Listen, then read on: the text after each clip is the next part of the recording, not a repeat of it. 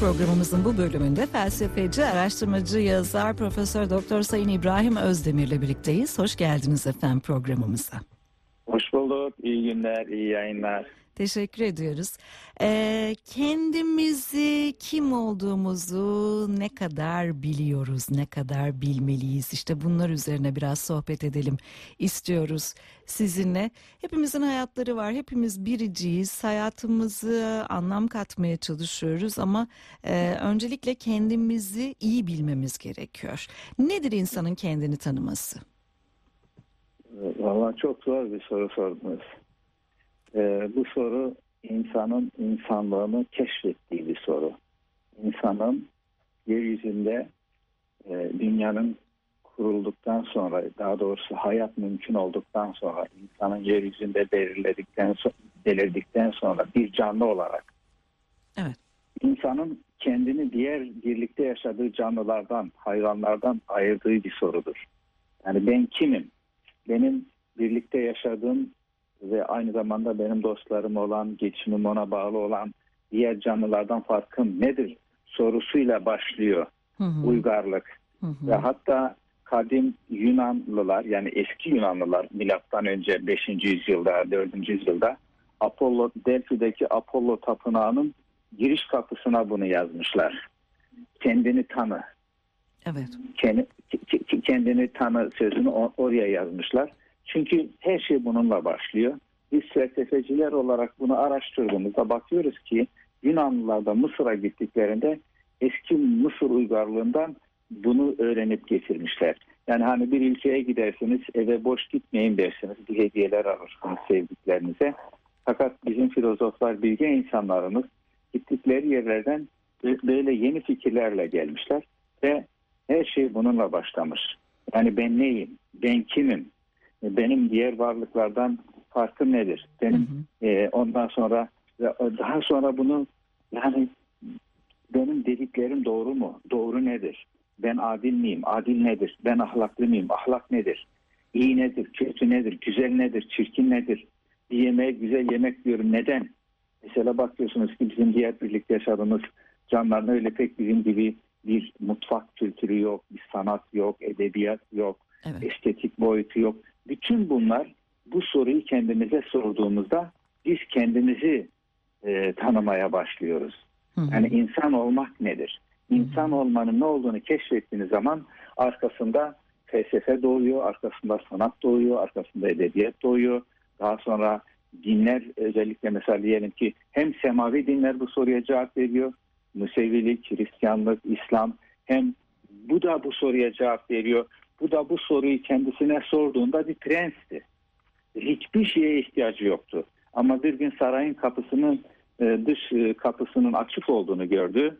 Oradan dışarı çıkınca hayatında ilk defa fakir insanları gördü. İlk defa topal insanları gördü. İlk defa ondan sonra sedef hastalığına yakalanmış insanları görünce böyle bir rüya dünyasında sarayda bir yalan dünyada yaşadığını anladı ve de, e, e, bizim elimizdeki bilgilere göre bir incir ağacının altına gitti, çekildi ve derin bir tefekkürüyle tefekküre dal dedi ki ben kimim? Hı hı. Bütün bunların anlamı ne?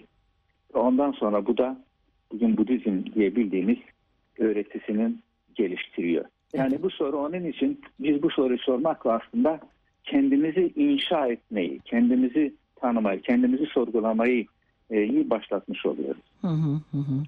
Peki bunun amacı ne? Neye e, evriliyor bu? Neye yol açıyor? İşte bu, bu- bu- bunun amacı biz hiçbir zaman kendimizi diğer bir hayvan türü olarak görmüyoruz. Hı hı hı. Yani hiçbir zaman sıradan yeme, içme ve ondan sonra üremekle hayatımızı sınırlayamıyoruz. Hı hı hı. Yani böyle sınırlayan, sınırlamayı insan ins- insani olmayla eş görmüyoruz. Evet. Bunu mesela bugün modern psikoloji de e, bu, bu aynı sonuca ulaşmış. Mesela meşhur meşhur Abraham Maslow'un bir ihtiyaçlar e, piramidi var. Hı hı. Orada beş katmanlı bir piramittir. En altında bütün canlılarla biz birlikteyiz, hayvanlarla birlikteyiz. Ama buradaki temel ortak noktalarımız da aynı.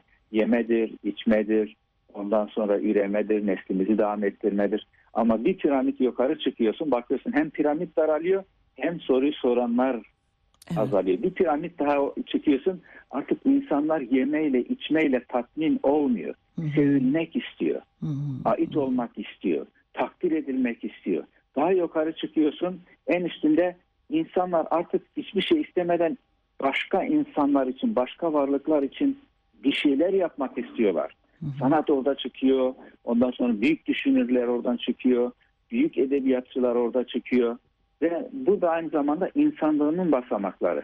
Yani onun için buradaki temel şey bizim e, kendimizi tanıyarak, tabiatı tanıyarak, kainatı ve evreni tanıyarak esasında yani hem kendimizi inşa etmek, kendi kendimizi inşa etmemiz aynı zamanda e, uygarlığı da inşa etmemiz demektir. Yani mesela bunun Mimar Sinan'ın e, örneğinde örneğinde e, gö- görebiliriz. Hı hı. Mimar Sinan Kayseri'de doğdu. Orada evlendi, kaldı. Hiç e, o Allah'ın onda yarattığı yeteneklerinin neşri nema bulması, gelişmesi için bir ortam olmadı. Kendisi yani hem hocalar hem kendi kendisi sor- sorgulamadı. Orada Mimar Sinan hiçbirimiz bilmeyecektik. Ama Mimar Sinan kendisini tanımaya çalışınca kendisindeki o mimari yetenekleri, o estetik gücü, o mühendislik gücü keşfettikçe Evet. onları geliştirdi. Eğitimle onları geliştirdi. Seyahatle onları geliştirdi. İstanbul'a geldi. Ve bu arada ilk yaptığı camiyle Mimar Sinan kim olduğunu o camide biz görüyoruz. Mimar Sinan bugün Allah rahmet eylesin mezarında ölmüş gitmiş. Ama biz Süleymaniye'nin içerisinde ve dışarısında dünyanın her tarafından gelen insanların ağızları açık hayretler içerisinde onun dehasını ve onun kim olduğunu eserinden görüyor. Hı hı. Yani orada Selimiye'de öyle, diğer yerlerde öyle, yaptığı köprülerde öyle. Yani mesela hala bir doğal felakette işte e, İzmir son zamanda bir deprem yaşadı. Hala yaralarını e, sarıyoruz. E, vefat edenlere Allah'tan rahmet diliyoruz. Evet. Ama Mimar Sinan'ın yaptığı eserlere bakıyorsunuz bütün bunlara direniyor. İşte Mimar Sinan benim bahsettiğim o. Ben kimim? Yaptığım eserler ne? Yani adil olmak, dürüst olmak, erdemli olmak, faziletli olmak.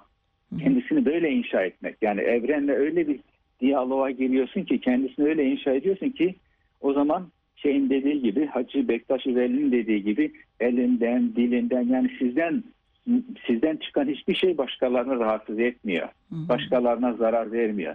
Ben geçen gün bir yerde bir konuşma yaptım. E, o da e, dinleyicilerime söyledim dedim. Hacı Bektaş Veli'nin e, bir tablosu var. Her yerde asılıdır. E, hatır, hatırınıza geldi mi? Evet. O Evet. tabloda ne var? İşte biraz düşünce dediler ki bir dizinde bir aslan var, bir dizinde de bir ceylan yavrusu veyahut da bir geyik yavrusu var.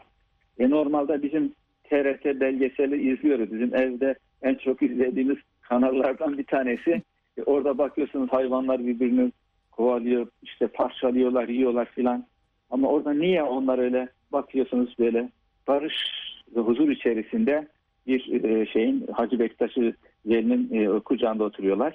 Hı hı. Bu Hacı Bektaş Veli'nin kendisi tanıması, Evet. tabiatı tanıması, hayvanları tanıması ve hayvanların onda zarar görmeyeceğini bilerek ona dost olarak gelmesi, Evet. onun oluşturduğu ortamda hayvanların o yırtıcı özelliklerini bile yitirmesidir. Yani Evet. bizim bu tablodan çıkaracağımız şey yani kendimizi bilmekten bahsettiğimiz için söylüyorum. Acaba benim elimden, dilimden yani benim yaptıklarımdan benim ailem, benim mesai arkadaşlarım, benimle çalışan insanlar ne kadar e, şey kendilerini iyi hissedebiliyorlar. Yani bazı insanlar vardı. Ben de işte e, yani e, 60 yaşını geçtik. Yani bazen çalıştığımız insanları görünce kimyası bozuluyor insanın. Ya bu adam nereden çıktı sabah sabah karşıma ya? Yani adam her şey olumsuz. Adam yani kendisini tanımadığı için adam etrafına adeta böyle şimdi Allah korusun şimdi bu virüsten kendimizi korumak için maske takıyoruz ama Hı hı. bu tür insanlardan kendimizi korumak için pek bir bazen bizi koruyacak bir şey de yok. Evet. Ondan Peki dolayı kendi- ondan dolayı dedim bu çok zor bir soru. Na- Ama nasıl? o kadar da önemli bir soru. Hı hı. Evet. Ee, yöntemi nedir e, Sayın Özdemir? Kendimizi tanımak istiyorsak, bu böyle bir yolculuğa çıkıyorsak nasıl arayacağız kendimizi? Nasıl tanıyacağız? Şimdi e, burada e, bütün bütün büyük düşünürler bu soruya cevap vermeye çalışmışlar. Mesela Sokrates bunun yöntemini sorgulanmayan bir hayat yaşanmaya değmez diye ifade etmiş. Yani e, bundan yani milattan e, 399 yılında vefat ettiğini düşünürsek milattan önce yani o zaman Atinalı gençlere diyor ki sıradan bir hayat reddedin yani bir bir kuş gibi bir serçe gibi bir, bir şey gibi onlar küçümsemek için söylemiyor. Siz daha fazlasına e, şeysiniz diyor layıksınız. Hayatı sorgulayınız. Bütün yani söyledi yalan söylemeyiniz diyor. Mesela o zaman da yalan söylemeyiniz. Söz verdiğinizde sözünde durunuz. Tutarlı olunuz. İnsanlara insanları seviniz. Ve daha sonra dikkat ederseniz ta e, Freud'a kadar e, yani psikolojinin modern psikolojisinin doğuşuna kadar hep böyle insan kendisini tanımaya çalıştı. Bizim evet. klasik e, İslam alimleri, filozofları ilmi nefs diyorlar. Şimdi biraz bu modern psikolojiden farklı ama onlar da aynı şekilde kendini tanımayı öğretilerinin başına koydular. Mesela 12. yüzyılda yaşayan Gazali diyor ki kendini tanıyan ancak Allah'ı tanıyabilir. Hı hı. Çünkü insan kendisini tanırsa insan kendi sınırlılığını da tanır. Nasıl diyor?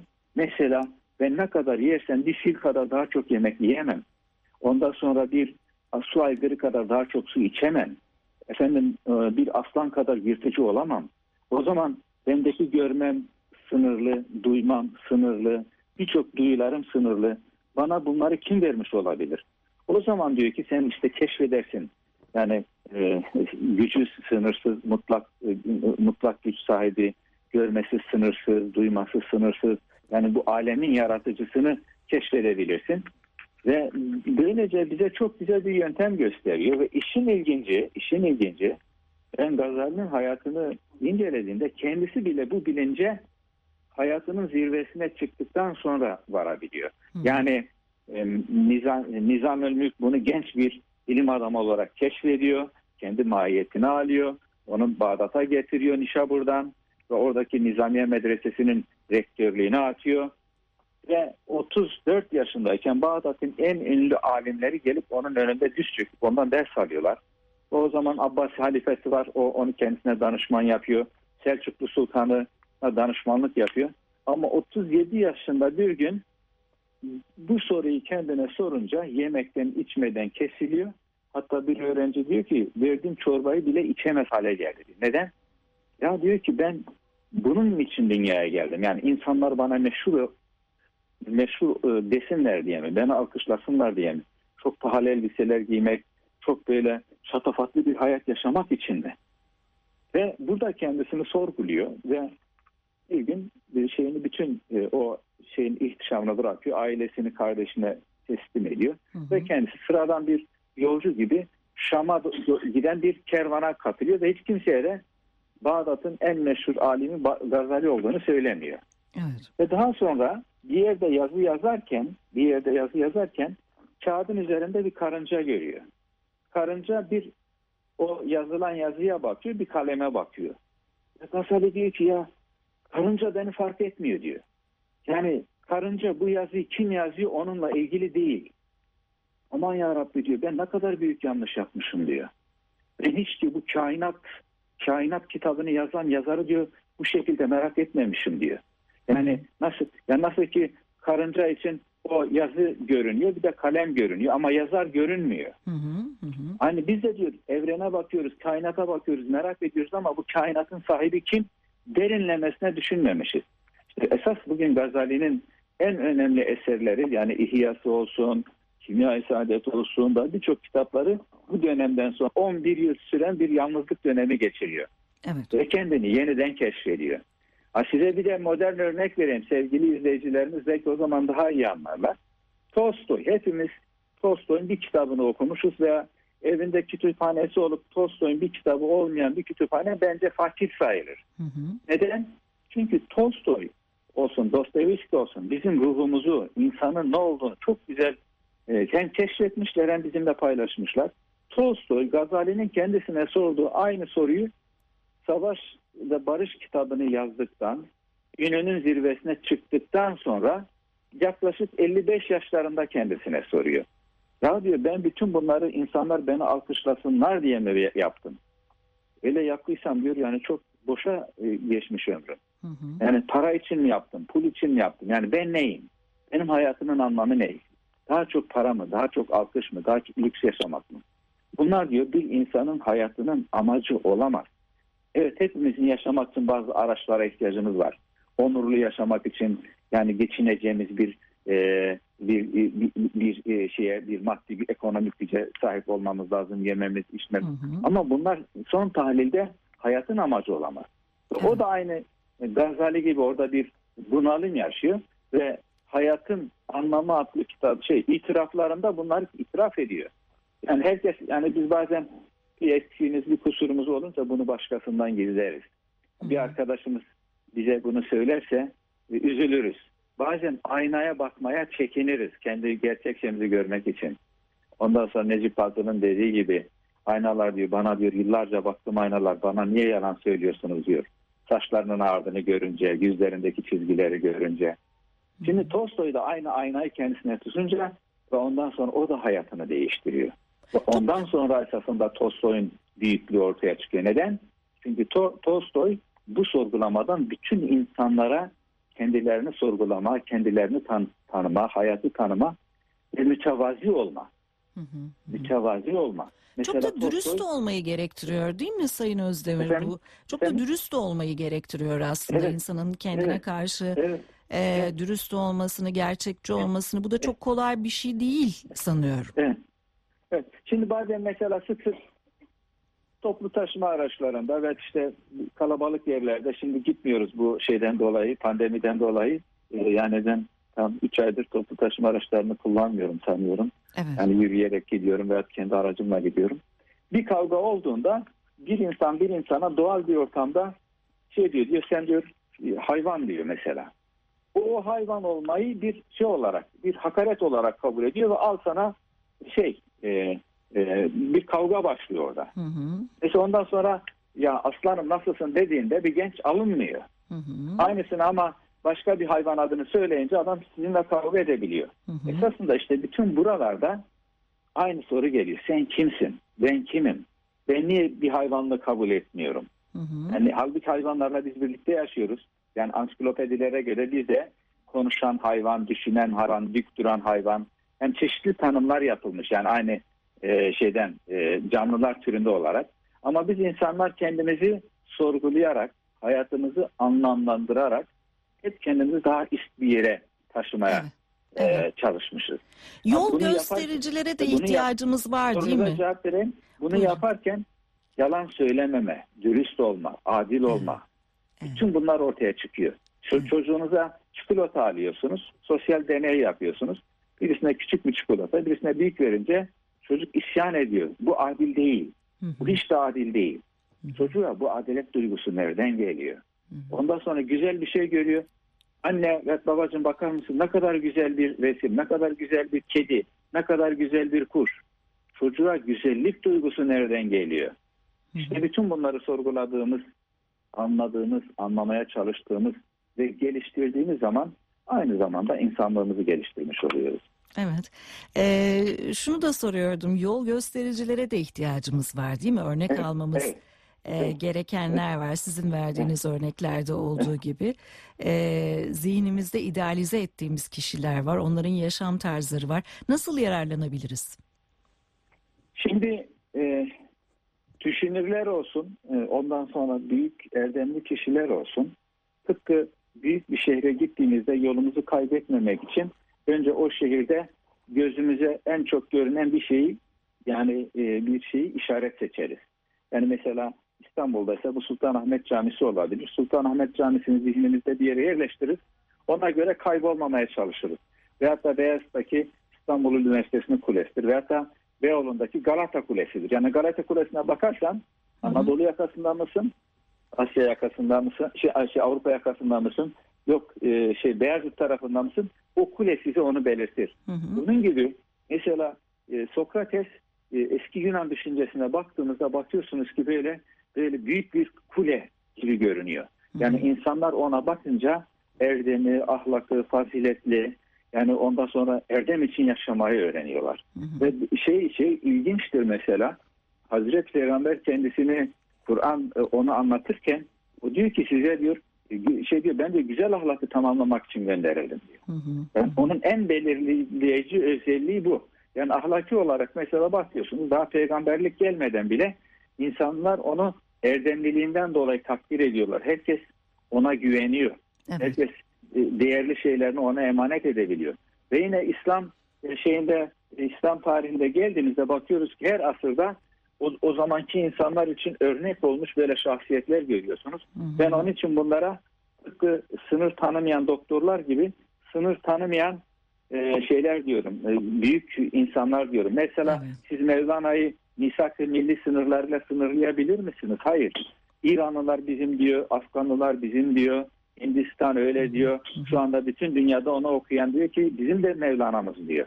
E, bize de Hem hitap onları ediyor. bilmeliyiz, sonra dönüp kendimizi bilmek için uğraşmalıyız. Tabii. Çok teşekkür ediyoruz efendim bize katıldığınız için, bize vakit ayırdığınız için. Şeyle bitireyim. Yani biz böyle bir tarihimize bakarsak Ahmediye Şehi'den Mevlana'ya ta günümüze kadar her dönemde, her asırda bize erdemi, fazileti, güzelliği, insan olmayı, mütevazi Evet, olmayı çok şanslıyız. öğretecek, Çok teşekkür ediyoruz efendim. sağlayacak birçok e, şeylerimiz var. Değerlerimiz var. Evet. Saygılar sunuyorum. İyi günler yayınlar diliyoruz. Hoşçakalın.